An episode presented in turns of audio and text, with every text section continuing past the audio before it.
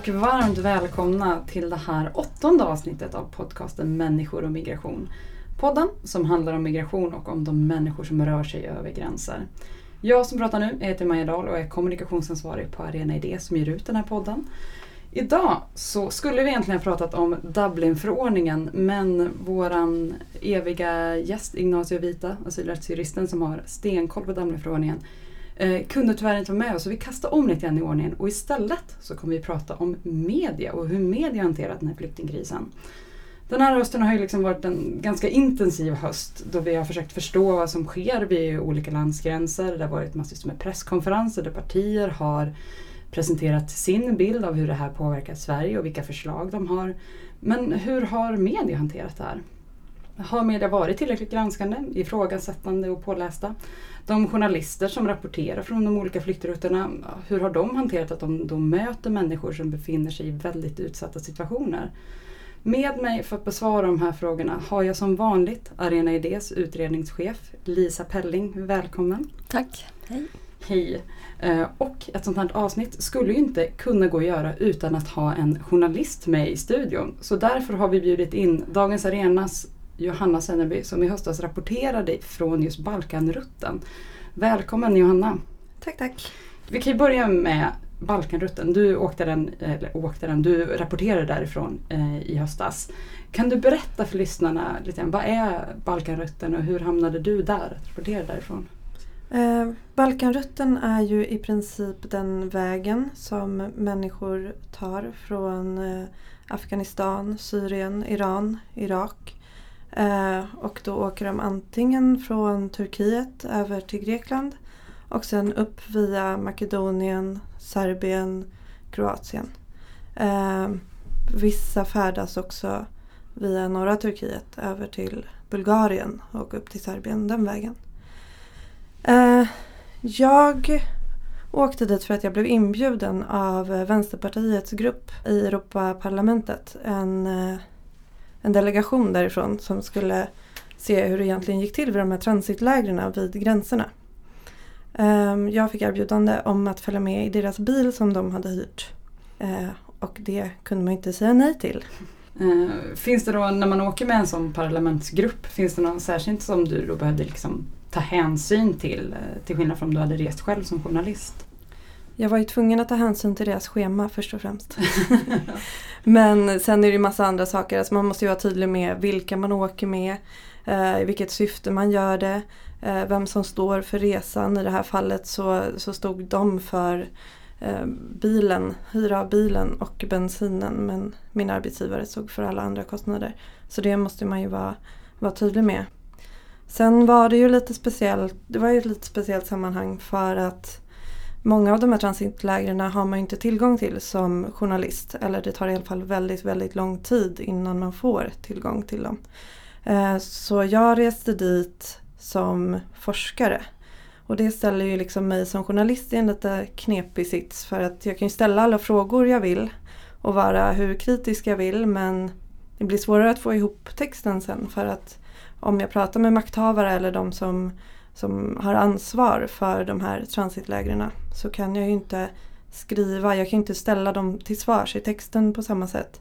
Um, jag kan inte använda liksom både för och efternamn och jag kan inte använda bilder och så vidare för de har ju pratat med mig i tron om att jag är en forskare helt enkelt och jag har inte fått, fått prata med dem som journalist.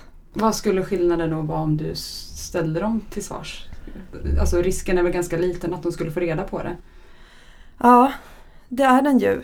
Um, risken är väl främst att jag då skulle äventyra de jag reste med på något mm. sätt. Uh, de kanske aldrig mer skulle få komma in i de här lägren. Um, och de gör ett otroligt viktigt jobb där. Mm. Jag skulle kunna tillägga en sak också angående det här. Att för mig var det ju aldrig något problem att eh, prata med människorna. Alltså det är ju mitt liksom, journalistiska dilemma gäller ju främst när man får tillgång till att prata med de här makthavarna. För de hade jag inte fått prata med annars. Men när jag pratade med människorna jag träffade så sa jag ju till dem att jag var journalist. Så där finns det ju inte ett sånt dilemma alls. Liksom, att jag inte kan skriva om dem för att, för att jag är där i en annan roll. Liksom. Om, om vi tänker då Balkanrutten som du då åkte. Eh, Lisa, du har ju väldigt bra koll på olika eh, flyktingvägar. Vad skulle du säga utmärker sig just när det kommer till Balkanrutten? Ja, finns det något som eh, utmärker just eh, Balkanrutten? Då ska jag säga att Eh, Eh, när den internationella migrationsorganisationen räknar hur många människor som har tagit sig till Europa i år då kommer de fram till att eh, det handlar om 989 000. Klart att det är svårt att veta exakt men de för ganska noggrann statistik, alltså nästan en miljon människor. Och det kan ju verka mycket men då ska man minnas att det finns 60 miljoner människor i världen totalt som befinner sig på flykt eh, just nu enligt UNHCR. Så en miljon är litet antal antal i jämförelse med det. Men det man ser då är att det har skett en ganska viktig förskjutning från rutter som leder över andra delar av Medelhavet.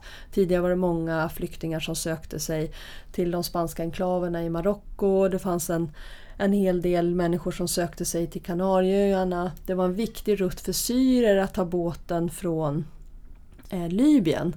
Men i takt med att eh, bevakningen eh, har stärkts, gränserna har förstärkts, taggtrådsstängslen har blivit högre i västra delar av Medelhavet och Libyen har ramlat ner i fullständigt kaos, oerhört höga våldsnivåer så har människor tvingats ta andra rutter. Under några år så var det relativt vanligt att människor sökte sig över floden Evros som skiljer Turkiet från Bulgarien och Grekland men där har man också under de senaste åren förstärkt. Man har byggt ett slags högteknologiskt stängsel längs med den gränsen vilket har gjort det mycket svårare att ta sig över den gränsfloden och då har man helt enkelt tvingats ta gummibåtarna ut på Medelhavet istället. Eh, och, och, då har liksom eh, steg för steg den rutten etablerats att det går, man tar sig med båt över till någon av de grekiska öarna till exempel eh, Kos eller Lesbos och sen så tar man sig med färja vidare eh, in i Grekland och sen från Grekland eh, genom, genom Balkan upp. Och så av de här 989 000 som IOM räknar med har kommit till Europa i år så är det över 800 000 som har kommit just till Grekland. Så man räknar med att 800 000 människor har rest genom eh, Grekland bara i år. Och då kan man följa deras liksom, antal upp genom eh, genom Europa. I Makedonien har man räknat 300 000 människor, i Serbien har man räknat 500 000 förmodligen beroende på att en del eh, har tagit sig in i Europa som Johanna beskrev då från eh, Turkiet eh, via Bulgarien och sen eh, till Serbien. Genom Österrike så räknar man med att ungefär 300 000 människor har, har tagit sig. Och så fram till, eh, till oss då till eh, Eh, till Sverige så har hittills 100, lite drygt 140 000 eh, människor kommit i, eh, i år. Så man kan säga att det här är en, en relativt ny rutt och det som är viktigt att komma ihåg är att man måste se den här rutten som en konsekvens av framförallt situationen i Syrien.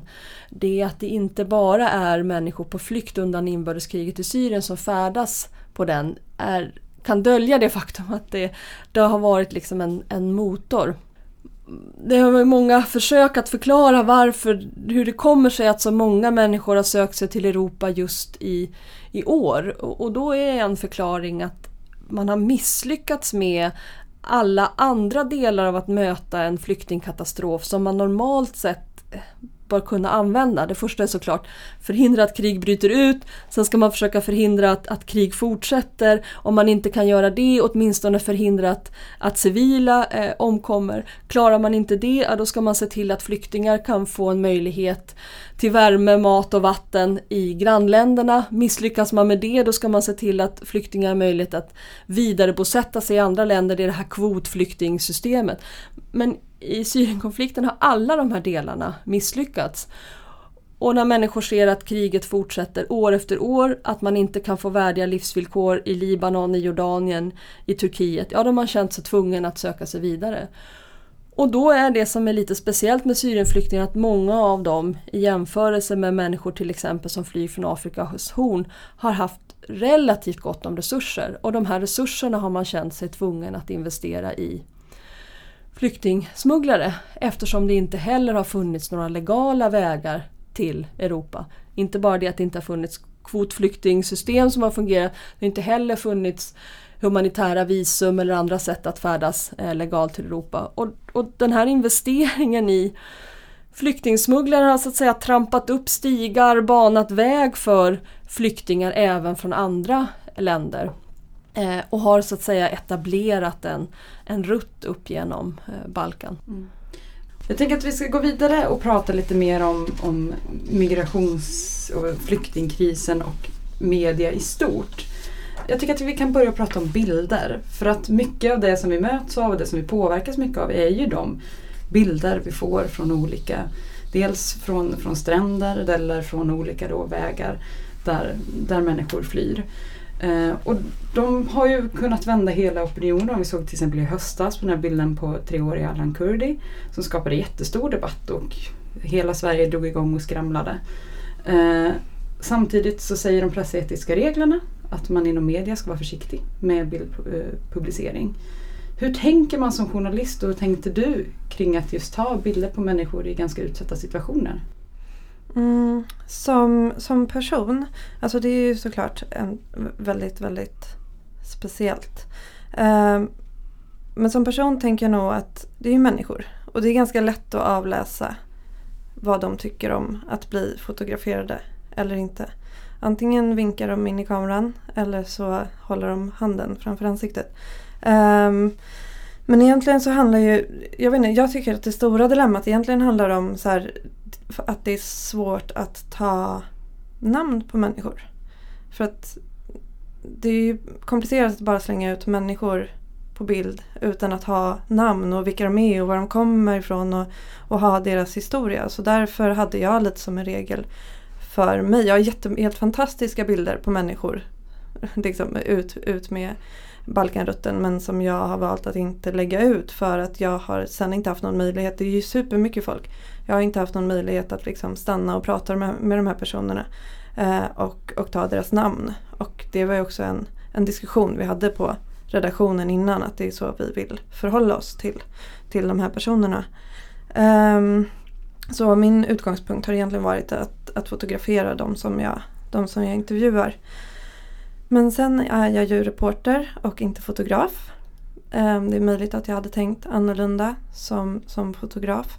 Ehm, det finns ju verkligen en diskussion om, ja men exempelvis ta den här bilden på Allan Kurdi. Ehm, vad den har för vikt och vad den gjorde med, med exempelvis befolkningen i Sverige. Vissa tycker ju att vi behöver fler sådana bilder. Jag är nog av hållningen att liksom, den typen av bilder får sin vikt för att den inte sitter på löpsedeln eh, varje dag. Jag tror inte att det tjänar ett gott syfte liksom, att, att exponera den typen av bilder dagligen. Jag tycker att det, jag känner väldigt stor eh, respekt för eh, den här, eh, som jag tycker, jag vet inte om du håller med Johanna, men den utvecklingen som har varit under de senaste åren. Att, att man har bestämt sig för att när man skildrar människor så ska det vara med namn. Alltså mm. att, att människor i andra länder ska inte vara en namnlös massa. Det ska inte vara den fattiga kvinnan, det svarta barnet.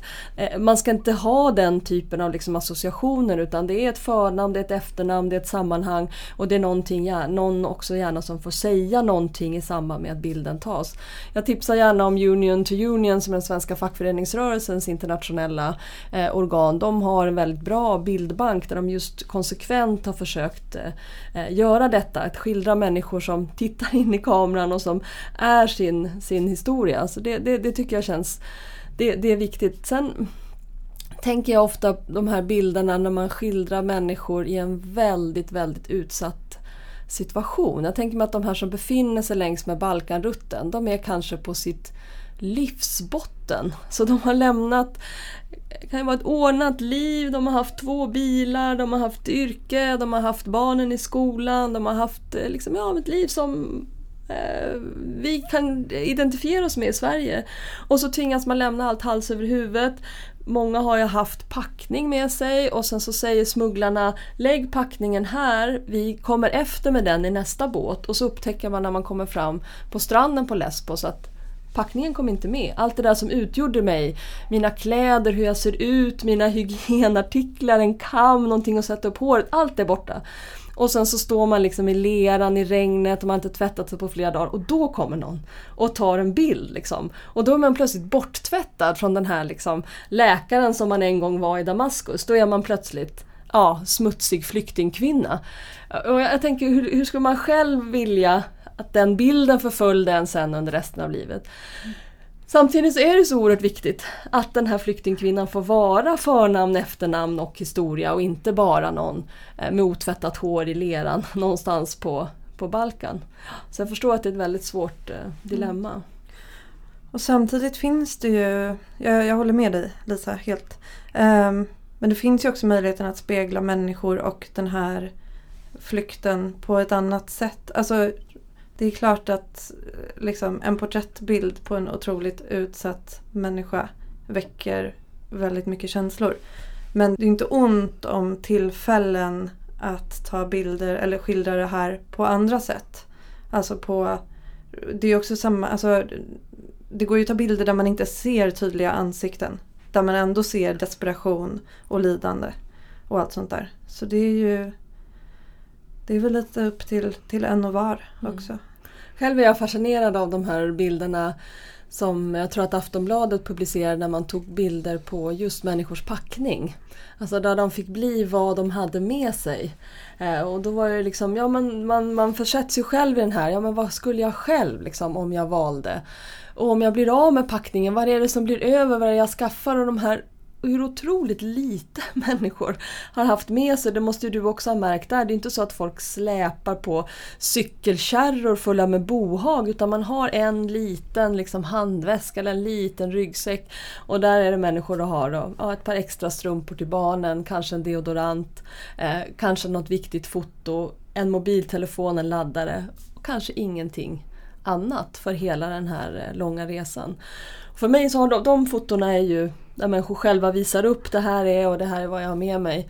Väldigt fina. Sen finns det de här bilderna på sovande flyktingar längs med just Balkanrutten där är jag mycket mer tveksam. Mm. Alltså de, har, de är otroligt liksom gripande och jättefina. Och, och man också just eftersom den skildrar människor i en sån otrolig liksom vardaglig situation. Alla människor somnar någon gång och alla har vi sett de här gulliga bilderna på barn som somnar i alla möjliga omöjliga liksom, eh, situationer. Och så ser barn som ligger och sover då liksom på en perrong eller på en eh, lerig gräsmatta någonstans eller så. Men de kan ju inte ha blivit tillfrågade om de ville vara med på bild. Och det, ja, det, det är nog inte helt okej okay egentligen. Hur, hur har ehm, liksom diskussionen, du sa att ni hade pratat på redaktionen innan. Hur, har diskussion, hur gick diskussionen på er redaktion när ni pratade om vilka bilder du möjligtvis kan få med dig därifrån och vad ni då kommer publicera? Men vi hade ju satt upp vissa kriterier och ett av dem var att det ska vara personer man har pratat med eller åtminstone kunna ta ta namn ifrån. En annan aspekt också när man pratar om, som, som du eh, rapporterade från Balkanrutten, att många av de människorna som, som eh, flyr de här rutterna vill ju kanske komma hit till Sverige och några av dem tar sig också hit. Hur resonerade ni kring att så här, några av de bilderna som du kan ta kan veckan efter kan den här människan också vara på plats här i landet? Ja, det är en väldigt svår fråga att svara på. Um, först och främst det som jag nämnde innan. Att det liksom är personer man har, man har pratat med och man har fått ett godkännande. Man har fått ett godkännande att publicera eh, citat och historier. Och, men liksom, det är ju samma sak, eller kanske ännu viktigare, att, att eh, liksom verkligen prata med personen och ta reda på och respektera vad den vill att man skriver och vad den inte vill att man skriver. Det är ju en stor skillnad från att skriva ett reportage om en politiker exempelvis. Den här personen behöver ju inte ens, behöver inte heller vara liksom, den är ofta, alltså den har ju varit utsatt för något av det värsta den har varit med om hela sitt liv. Det måste man ju ha med sig när man pratar med personen. Alltså, vissa börjar ju storgråta och skriker ut allt möjligt. Det är klart man inte kan rapportera om, om det. Liksom. Um, Men ja, nej men så man får ju vara väldigt försiktig med hur man hanterar människors historier. Men sen handlar det väl lite om vilken redaktion man har i ryggen också, tänker jag. Exempel, hade jag jobbat på någon annan redaktion kanske jag hade haft ett krav att jag behövde ha med mig liksom tårdrypande historier hem. Vilka kanske i vissa fall måste tvingas fram. Eh, det kravet hade ju inte jag alls på mig. Då blir det ju liksom en helt annan förhandling med sig själv och, och sin, sina etiska hållpunkter. Liksom. Um, men min bild var ju snarare att ge en, eller min ingång var ju snarare att ge en bild av hur det ser ut i de här transitlägren. Vilka krafter det är som, som, liksom, um, som finns här. Och synen på humanitet och hur de drivs vilka personer som finns där. Är det militärer, poliser, är det volontärer? Det säger ju otroligt mycket. Sen får man ju också vara noga med att inte beskriva de här personerna som offer. Alltså i många bemärkelser är de ju det. De är ju offer för ett krig exempelvis. Ehm, och de är ju offer för EUs flyktingpolitik i det här fallet. Men det tar inte ifrån dem sitt människovärde. Ehm, så man får ju rapportera väldigt, väldigt balanserat och nu pratar jag utifrån som skrivande journalist men det knyter ju an till, till bilder också. Liksom. Om vi då går över lite grann till det du har skrivit om då. Hur hanterar du, nu sa ju du att, att många har väldigt eh, hemska historier som du berättar, många börjar gråta när man intervjuar dem. Hur hanterar du att ta emot då väldigt känsliga uppgifter? Och hur skriver man, man utan att dela med sånt som kanske den här personen egentligen inte varit okej okay med att dela men som den pratade med dig om i alla fall. Sådana saker går ju att illustrera med text utan att göra det som ett citat som personen säger. Ofta så delar ju många människor en, en bild av, av hur det är att, att fly på det här sättet. Eh, så det går ju att formulera, det går ju ofta att formulera människors historier utan att sätta en persons namn eller stämpel på just, just det som händer. Nej men lite som jag sa tidigare, bara vara jättenoga med att respektera vad, vad, man, vad personen vill, vill dela med sig av. Liksom. Jag tycker när jag läser eh, dina texter att det att man förstår att de som du ger röst genom att de uttalar sig i artiklarna de gör det för att de illustrerar ett fenomen som du har fått bekräftat av att prata med tio personer till på samma plats. Det är väldigt koncentrerad eh, text och, och jag håller med, man kan ju illustrera med några få citat en mycket större liksom, ehm, eh, kontext. Det är inte nödvändigt att den som är mest utsatt kanske är den som citeras men dens berättelse kan ändå, kan ändå komma med utifrån det du, det du väljer. Jag tänker på också det här du säger om liksom att intervjua makthavare och ställa dem till svars. Jag tycker att det, det räcker med att konstatera att nu kommer fram till lägret så ägnar den som är ansvarig för lägret åt att försäkra om att de förhindrar smittspridning. Det sätter ju liksom en bild av vad det är för slags människor och vilken syn de har som har ansvaret för de här människornas liksom rättigheter, värdighet, förhållande på den här eh, platsen. Att det de är engagerade i att du som besökare inte ska bli smittad av någon sjukdom. Eh, är hemskt men i ett väldigt liksom kärnfullt uttalande kan, kan illustrera det och det är någonting som som jag känner till från rapporteringen från den här rutten att det har sett väldigt olika ut. På vissa ställen så är det besjälade volontärer som försöker nå fram till eh, transitflyktingarna med hygienartiklar, med mat, med värmefiltar, med någonstans att liksom få både kroppslig och mänsklig värme och på andra ställen så är det militärer som inte skyggar för att använda hundar, tårgas, eh, burar. Eh, eh, och det, ja, båda de sakerna måste ju skildras. Och sen har ju jag eh, haft kontakt med de personer som jag har skrivit om också och, och personer som jag inte har skrivit om i, i efterhand. Det är inte alltid man har möjlighet att, att göra det såklart. Men i det här fallet har jag faktiskt lyckats ha kontakt med, med alla jag har skrivit om. Alltså de flyktingar jag har mött, in, inte de eh, makthavarna. Men, eh, och då kan man ju alltid dubbelkolla. För när personen väl är på plats i, i Tyskland eller liksom har lyckats ta sig till någorlunda humana ställen och liksom bättre omständigheter så kan man ju ha tänkt efter och, och det är ju vissa som har gjort som inte vill att jag ska skriva och då får man, då får man respektera det även om man går miste om en bra historia. Mm. Om vi tittar på den lite då större migrationspolitiken och hur det har eh, porträtterats i media så så eh, är ju väldigt många av de frågor som diskuteras i media är ju ganska invecklade. Och det kräver en ganska stor kunskap både kring de här vägarna som människor flyr, flyr via och kring juridiken och vad som händer runt om i världen på andra platser och hur, hur juridiken ser ut på andra platser. Och, eh, och då undrar jag, har media, svensk media gjort ett bra jobb då när de har rapporterat kring den här flyktingkrisen? Har de haft den kunskapen att kunna nyansera frågorna. Vad tycker du Lisa? Jag tänker mig att det alltid är svårt för media att få med alla aspekter. Alltså verkligheten är så oerhört komplex nästan oavsett vad man rapporterar om.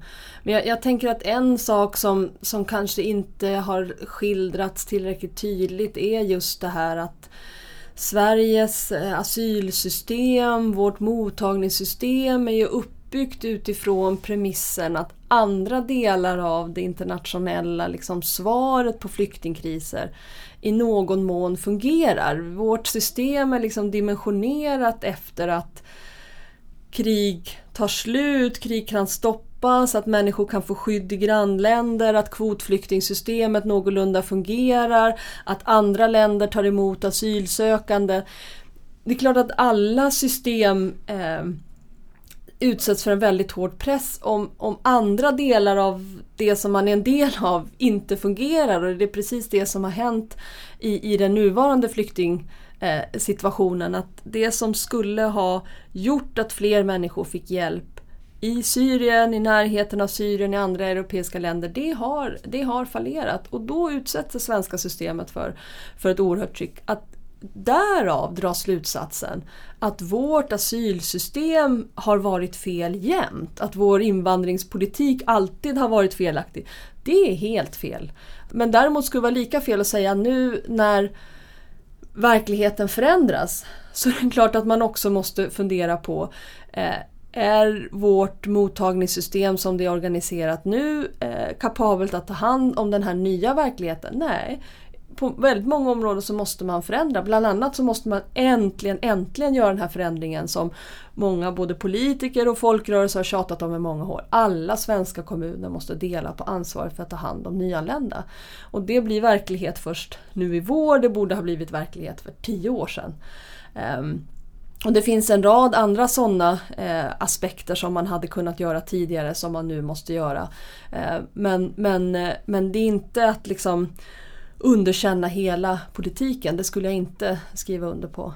Mm. Men om man tänker då kring media, har de varit bra på att visa det? Alltså har de ställt de frågor som krävs när politiker presenterar sina sanningar på presskonferenser? Alltså jag skulle säga att det liksom finns en medial logik i det här att man gärna vill ha liksom konflikt. Man vill gärna ha två extremer. Att det ligger nästan i liksom sakens natur att media har väldigt svårt att, att skildra den här ljumma, liksom, å ena sidan eh, både och positionen som trots allt är den som de allra flesta liksom, företräder. Eh, så därför blir det kanske lätt att media insinuerar Sverigedemokraterna på ena sidan, den goda asylrättsjuristen på andra sidan. Men det tycker jag inte att man kan lasta den goda asylrättsjuristen för. Jag, jag tycker att det är bra att Ann Ramberg som är ordförande för Advokatsamfundet säger mänskliga rättigheter gäller lika för alla, det måste man förhålla sig till, punkt slut.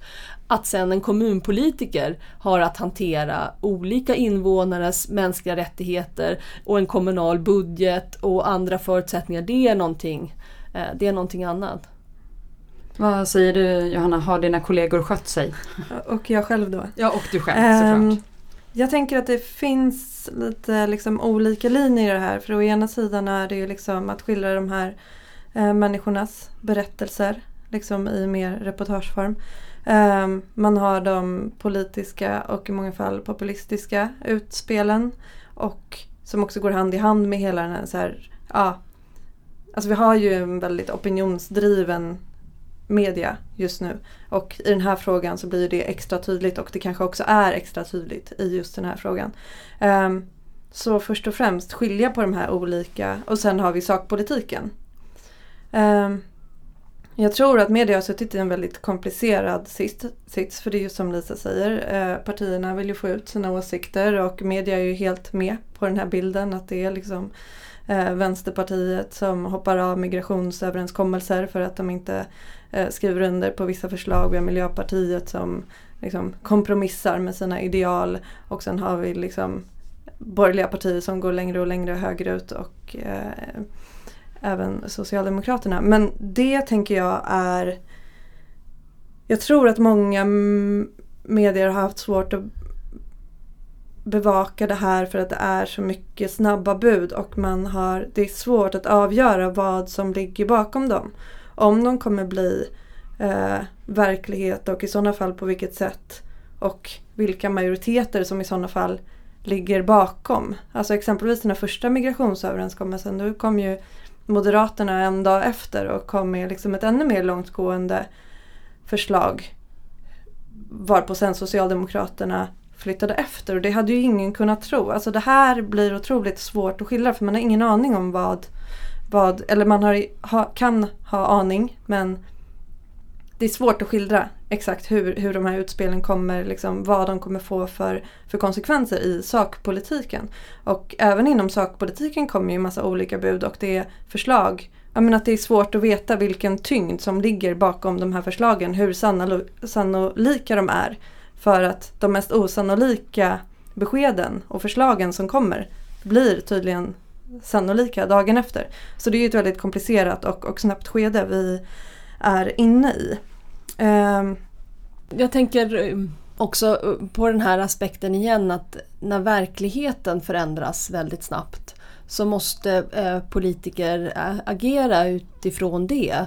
Och då finns det liksom saker som man kan göra på väldigt kort sikt Eh, och, som man, och andra som man kan göra på lång sikt. Och så finns det eh, åtgärder som kan få stöd i riksdagen i ett väldigt komplicerat parlamentariskt läge. Eh, som det heter och det är sant, liksom. det är ren matematik. Regeringen måste få eh, stöd i, i riksdagen och, och därför så eh, kan man så att säga, måste man ju tolka uttalanden som Sveriges socialdemokratiska statsminister gör, inte enbart utifrån eh, den senaste socialdemokratiska partikongressen eller, eller partiprogrammet utan också vad säger han nu i förhållande till vad han hoppas kunna få stöd för i, i riksdagen och det här gör ju saker och ting väldigt eh, svårtolkade. Det senaste migrationspolitiska liksom, utspelet eh, om de här förändringarna i asylrätten som är de värsta inskränkningarna som svensk asylrätt någonsin har upplevt som placerar oss på en absolut miniminivå eh, jämfört med andra eh, europeiska länder. Det ska man inte tolka som att Socialdemokraterna och Miljöpartiet inte är medvetna om vilka oerhörda negativa konsekvenser det här får för integrationen. Eh, man föreslår inte temporära uppehållstillstånd Eh, och nej till familjeåterförening för att man vill underlätta för människor att integreras i Sverige. Man gör det för att man vill eh, se till att fler människor söker asyl i, i andra eh, länder. Och då måste liksom, ja, det gäller att, att de som skriver om de här utspelen kan spegla eh, det här också. Eh, men det, det är väldigt svårt. Har de gjort det? Har de, har de speglat det? Har de förklarat det för den personen som inte är insatt i juridiken? Som inte är insatt i mottagningssystemet? Har den förstått att det är det man vill göra?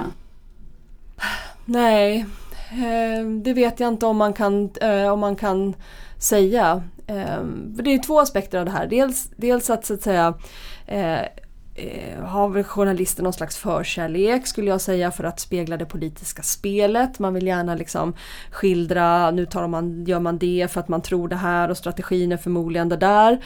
Eh, och, sen så, och då missar man sakfrågan, vad innebär de här eh, förslagen egentligen? Ibland missar man också att skildra beslutsordningen. I just den här frågan tycker jag att det är väldigt viktigt att konstatera att besluten är ännu inte fattade. Lagstiftningen har inte ändrats. Det ska fortfarande röstas om de här förslagen.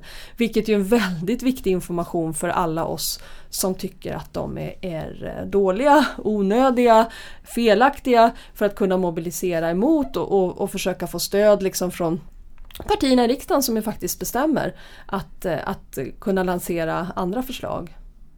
Mm.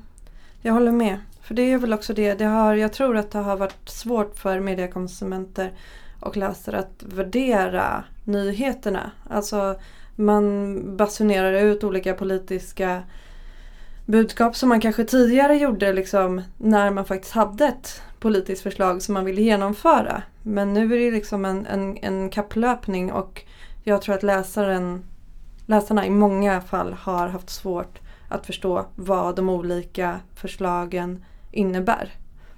Alltså att det kräver att man då sitter resten av kvällen och läser vidare för man pushar bara ut nyheten utan, utan vidare förklaring. Men där tycker jag att det krävs på varje redaktion. Liksom, att man pratar om hur man ska hantera det här snabba nyhetsflödet. Det handlar ju liksom lite om hur många man är också. I mitt fall är vi ju tre personer så då krävs det ju verkligen att man kan ju inte sitta och, och, och liksom pusha ut vartenda politiskt förslag som kommer. Men det är ju, mm. beror ju på lite vad man är för publikation också såklart.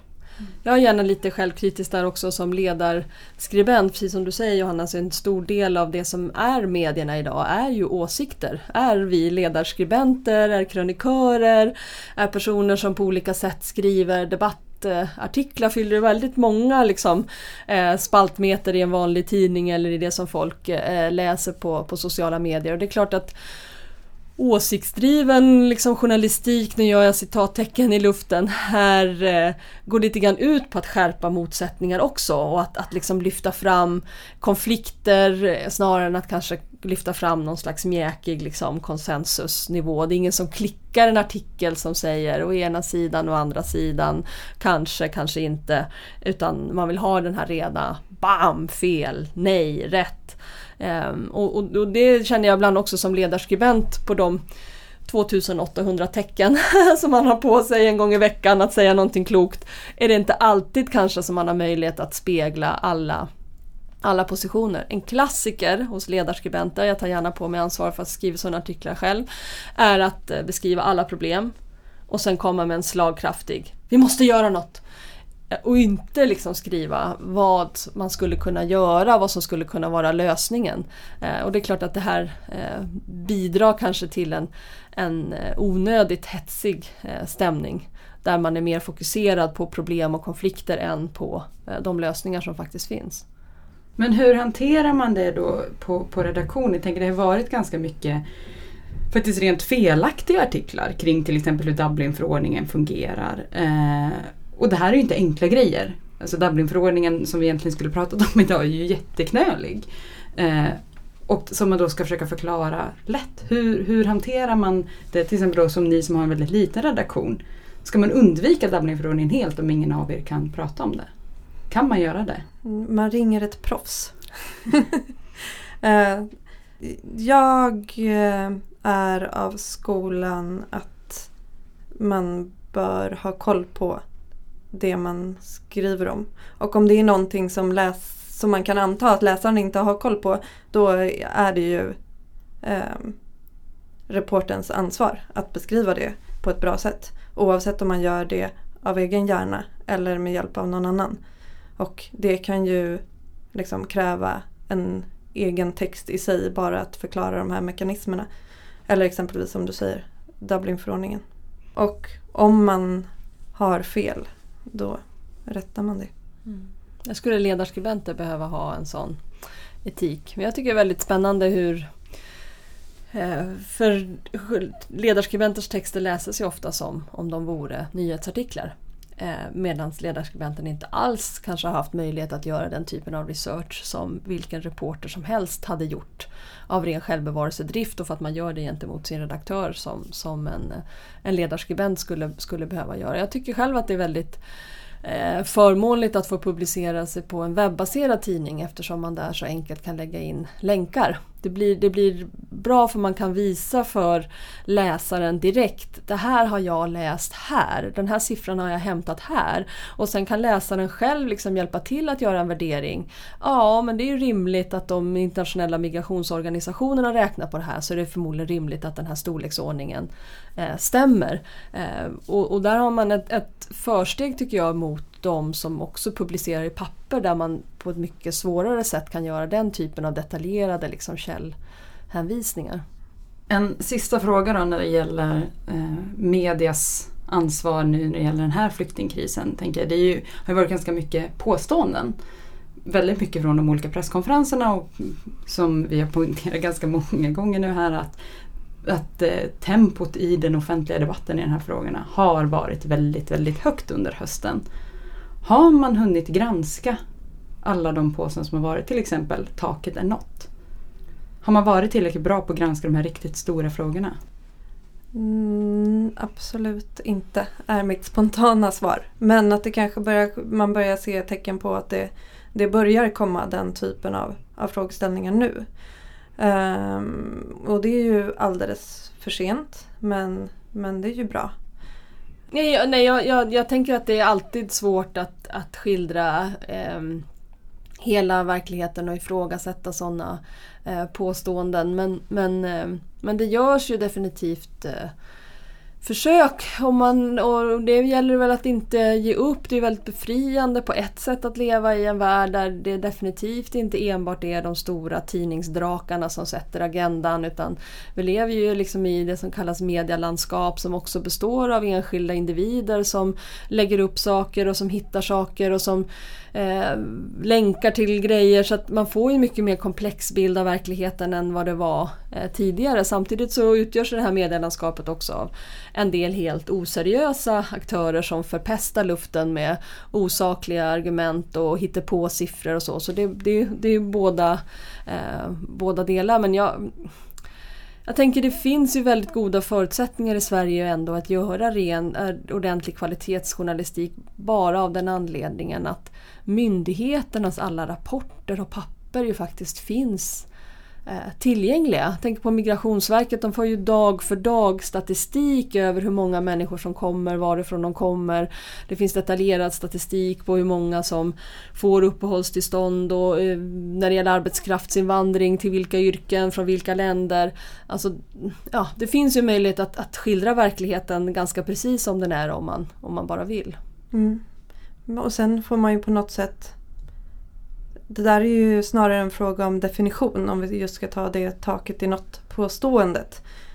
Eh, enligt de politiska, eller majoriteten av de politiska partierna är ju taket nått. Så det är klart att det blir en nyhet. Men, men sen får man ju granska deras, om huruvida deras definition stämmer. Liksom. Det börjar bli dags att runda av men jag skulle gärna vilja att ni siade lite framåt. Vi, vad liksom, tror ni är de stora journalistiska utmaningarna framöver när det gäller just det migrationspolitiska bevakningsområdet? Och hur skulle ni vilja se att svensk mediekår hanterar de här frågorna? Um, det är väldigt mycket önskningar här. Men um, jag kan börja med exempelvis hur man ska granska konsekvenserna av den politik som Sverige och EU nu bedriver. Um, ett exempel det här avtalet med Turkiet. Att, att de ska stoppa flyktingar vid sin gräns. Det är ju ett avtal mellan Turkiet och EU. Um, ehm, vilket tillträde kommer vi ha som europeiska journalister till de flyktinglägren och se hur Turkiet hanterar det. Um, det känns inte som att det kommer vara supertransparent men det är ju en väldigt, väldigt viktig fråga. Det är ju liksom hundratusentals människor som kommer sitta fast där. Eh, men också de människorna som befinner sig i Europa. Alltså det kommer vara hur många människor som helst som inte får asyl som kommer driva runt i, i unionen. Hur ska, man, hur ska man skildra deras liv? Um, också hela den här, alltså exempelvis en sak som inte alls blev täckt var ju det här med att eh, man, länderna ut med Balkanrutten um, de, när, när de här länderna bara släppte igenom um, syriska flyktingar och irakiska och iranska var det va? Och resten blev liksom fast där, ingenmansland. De protesterade, de matstrejkade, sydde igen sina, sina munnar. Um, det var först när de sydde igen sina munnar som, som de stora medierna började rapportera om det här. Um, det här kommer vi se mer och mer. Um, jag, min stora önskan är ju att svenska journalister finns på plats på de här ställena. Um, Donald Tusk har ju föreslagit att man ska upprätta olika förvar och liksom för fram det som att det är ministerrådets önskan. Um, det måste ju definitivt gå till botten med. Ehm, men ja, och, men kanske särskilt liksom fram, om man ska se det i ett EU-perspektiv, alltså föra fram den här bilden att man har hur, som, hur lätt som helst att enas kring stängda gränser och liksom rusta mot, mot eh, terrorn. Men vi kan liksom inte enas om att ens ta emot flyktingar på ett gemensamt sätt. Eh, det tycker jag liksom bör vara den verklighetsbeskrivning man, man utgår ifrån när man rapporterar om det här så att det inte bara blir att det som gäller i Europa nu, vi ska omfördela 160 000 personer, hur går det med det? Alltså det känns liksom, det är viktigt men det är också lite marginellt om man tänker på de människorna som befinner sig på flykt. Eh, men sen liksom, det här kanske Lisa har lite mer idéer kring men hur liksom, man ska bevaka integrationen. Alltså det här är ju liksom åratal framöver. Kommer vi ha människor som ska komma in i det svenska samhället och hur det fungerar. Mm. Om jag fick eh, liksom önska mig framåt då skulle jag eh, jag tänker också på integrationen att, att eh, det är så oerhört viktigt att man klarar av att avgöra vad är det som är problematiskt för att man är född i ett annat land. Vad är det för liksom konsekvenser det har och vad är det som är utmaningar som människor i Sverige skulle ha haft oavsett. Det är inte så att det att vi har haft stor invandring är orsaken till flyktingkrisen eller krisen inom socialtjänsten eller avfolkningen av Norrlands inland eller brist på industrier. Det är liksom problem som vi hade haft i alla fall. Det räcker med att titta på Finland. Kan vi inte alltid titta på Finland? De har nästan inte haft någon invandring alls. Och de har precis liksom samma problem med en del skolor i vissa förorter som fungerar dåligt. De har problem med liksom en underklass som är arbetslös i generationer. De har problem med avfolkning. De har problem att ta hand om människor som flyttar in till städerna. Dessutom har Finland ett stort problem för att de har ett sånt befolkningsunderskott som också tynger deras. Det, det problemet har inte vi. Vi har en, en det som man brukar kalla liksom en demographic dividend. Det har, när man tittar på utvecklingsländer brukar man beskriva länder som får en väldigt snabb befolkningsökning som länder som befinner sig i en väldigt bra situation. Det brukar vara stark tillväxt, mycket framtidstro. Precis den typen av situation eh, befinner vi oss i just nu. Och då skulle man vilja liksom att, det, att det skildrades. Vad händer liksom på arbetsmarknaden när många unga människor plötsligt kommer ut på arbetsmarknaden med ambitioner, talanger, viljan att bygga ett nytt liv. Liksom. Ja, det kanske blir ett nytt form av skogsbruk, det kanske blir ny snickeriindustri, det kanske blir nya, eh, ny tjänstesektor, vem, vem vet? Det skulle man gärna vilja se, eh, se skildrad. Men sen skulle vi också vilja liksom förstärka det som du säger, det här liksom trenden som man inom liksom statsvetenskapen kallar externaliseringen av EUs migrationspolitik, den här försöket att liksom flytta flytta kontrollen av EUs yttre gränser så långt bort som möjligt just från gränserna. EU pratar om att man vill upprätta hotspots där liksom asylsökande och flyktingar första gången ska komma i kontakt med EU, inte på EU-mark utan långt utanför. Att det ska finnas liksom eh, uppfångningscenter i Libyen, i, eh, ännu längre söderut i, i, i Afrika, i Turkiet. Och det är klart att det här kan vara någonting väldigt bra. Det är klart att, att det skulle vara jättebra om människor kunde bli informerade om lagliga vägar till Europa, om hur liksom kunde bli varnade för farliga smugglingsrutter, kunde få information om, om hur man kan komma i åtnjutande av stöd till exempel från UNHCR. Men det finns en väldigt uppenbar risk att de här centren används som någon form av kontrollmekanism för att hindra människor från att ta sig in i Europa. Och, och görs det inte liksom öppet, transparent med bevakning av journalister, ja då finns det stor risk för att det sker liksom övergrepp på de här, eh, ehm, på de här ställena. det finns diskussioner till exempel om att när EU eh, agerar fredsbevarande i konflikter med militärer, med liksom soldater, att det skulle vara en del av den militära operationens mandat att också eh, agera när det gäller flyktingar och migranter. Det är otroligt farligt det här apropå de militärer som du redan har stött på Johanna längs med Balkanrutten. Alltså att lägga oerhört utsatta migranters liv och villkor i händerna på militärer. Eh, i Sahara med minimal möjligheter till bevakning och insyn. Det, det, är, det är, en riktigt skrämmande utveckling. Mm. Jag funderar lite också på de här återvändande avtalen som man liksom håller på att förhandla med bland annat Afghanistan. Um, och med flera andra länder. Det är ju liksom en del i den här strategin som Lisa pratade om. Att liksom externalisera gränserna såklart. Um, kan jag gärna eh, förstärka också för det är klart att om man tittar till den statistik som finns eh, nu så är det till exempel så att bara hälften av de som kommer från Afghanistan får uppehållstillstånd. Som det ser ut nu, den liksom senaste statistiken. Man vet ju inte om det, det beror ju såklart på situationen i Afghanistan men det beror också på hur vår asyllagstiftning ser ut om den, eh, om den, om den, om den förändras. Eh, men det är helt klart så att, att väldigt många av de människor som har kommit till Sverige nu under hösten ska återvända.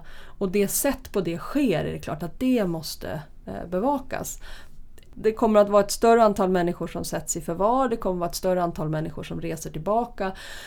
Man kan se bakom hörnet den här tanken om att eh, ordna någon form av värdigt återvändande för ensamkommande. Det handlar ju då om barn som ska återvända till Afghanistan. Kommer vi att få se någon form av yrkesinternatskolor där man kan få utbildning och husrum fram till sin 18-årsdag. Vad händer sen efter 18-årsdagen? Det här är någonting som liksom rent geografiskt sker väldigt långt bort från Sverige och då kanske tyvärr väldigt långt bort från granskning och insyn. Samtidigt som, ju det, som det ju är svensk politik. Ehm, så ja, där skulle man verkligen önska att, att eh, journalister hade ögonen på det här och, och bevakade det. Mm. Det kräver ju också liksom, ja, men transparens på, på flera eh, plan. Exempelvis inom Frontex. De eh, basunerar ju ut att de liksom nu har ett system där, där man ska kunna anmäla sig själv om man måste rapportera om någonting händer och sådana saker. Men, men det är ju bara de själva som kan rapportera inom det här systemet vad jag har förstått. Det är inte att en migrant eller en flykting själv kan, kan berätta eh, om att det här om, om liksom oförrätter som, som sker helt enkelt. Um, så transparens visst, men, men mer liksom. Um, Ja, jag, jag, jag, tänker också att det är så grundläggande i svensk migrationspolitik det här att vi har en reglerad invandring. Och i den här liksom upphetsade debatten där det gärna framställs som att det finns två extremer, att SD inte skulle vilja ha någon invandring överhuvudtaget och att de som befinner sig på andra halvan skulle vilja ha helt fri invandring. De här helt fri invandring-människorna, nu direkt fri, de är väldigt, väldigt få. Eh, de flesta av de som förklarar asylrätten gör det inom ramen för tanken om att Sverige ska fortsätta ha reglerad invandring. Eh, även, även jag är liksom besjälad av det, att det måste finnas en, någon form av reglering. Men hur den här regleringen sen ser ut och hur det i praktiken sen går till när den här regleringen omsätts, det är, no, det är någonting helt annat. Och där behöver liksom journalister bevaka. Det, det, det är en konsekvens av reglerad invandring att människor som inte får tillstånd måste lämna landet. Men hur det gör? Måste det ske via att man förvarstar människor, det vill säga frihetsberövar dem? Måste det ske genom att man, man, eh, man använder mer eller mindre våld när man tvångsavvisar? Eller kan det ske på andra sätt? Ja, det, det, det måste vi eh, prata om. Tusen tack för de framtidsspaningarna. Det är dags att avsluta dagens avsnitt eh, och med det här avslutet så tar vi också julpaus för människor och migration. Vi är tillbaka den 14 januari. Eh, men tusen tack Johanna Senneby för att du kom hit och pratade om de journalistiska utmaningarna och dina reportage om, från Balkanrutten finns ju att läsa på Dagens Arena. Och vi kommer även länka dem både på vår Facebookgrupp och från Arena Idé. Eh, men tack Johanna för att du kom. Tack. Eh, och om ni vill lyssna på något annat som kommer från Arena Idé Medan ni väntar då på nästa avsnitt och över julen så gå gärna in och lyssna på vår syskonpodd Pengar och politik som i senaste avsnittet klär av myten om att Sverige är världssämst på integration. Ger en hel radda argument att använda vid julbordet. Eh, ni kan även gå in och lyssna på Arena Play. Där lägger Arena Idé upp sina seminarier. Eh, eller vi lägger upp våra seminarier som vi har och där har ni bland annat väldigt intressanta seminarier om lagliga vägar eh, över Medelhavet eller om Sverige som invandrarland som ni kan gå in och lyssna på. Arena Play och eh, Pengar och politik hittar ni ju både via Soundcloud eller via valfri poddapp. Har ni några frågor om dagens avsnitt eller kommentarer så kan ni göra det antingen på Twitter och då kan ni twittra direkt till oss på arenaidé. Visst kan man nå dig där också Johanna? Ja, ett Senneby. Yes. Eller så kan ni skriva direkt på vår Facebook-sida och det hittar ni om ni söker på människor och migration. Med det sagt, tack så hemskt mycket för att ni har lyssnat. Tack Lisa och Johanna för att ni kom hit idag. Vi hörs 2016. Ha det! Tack så mycket. Hej då!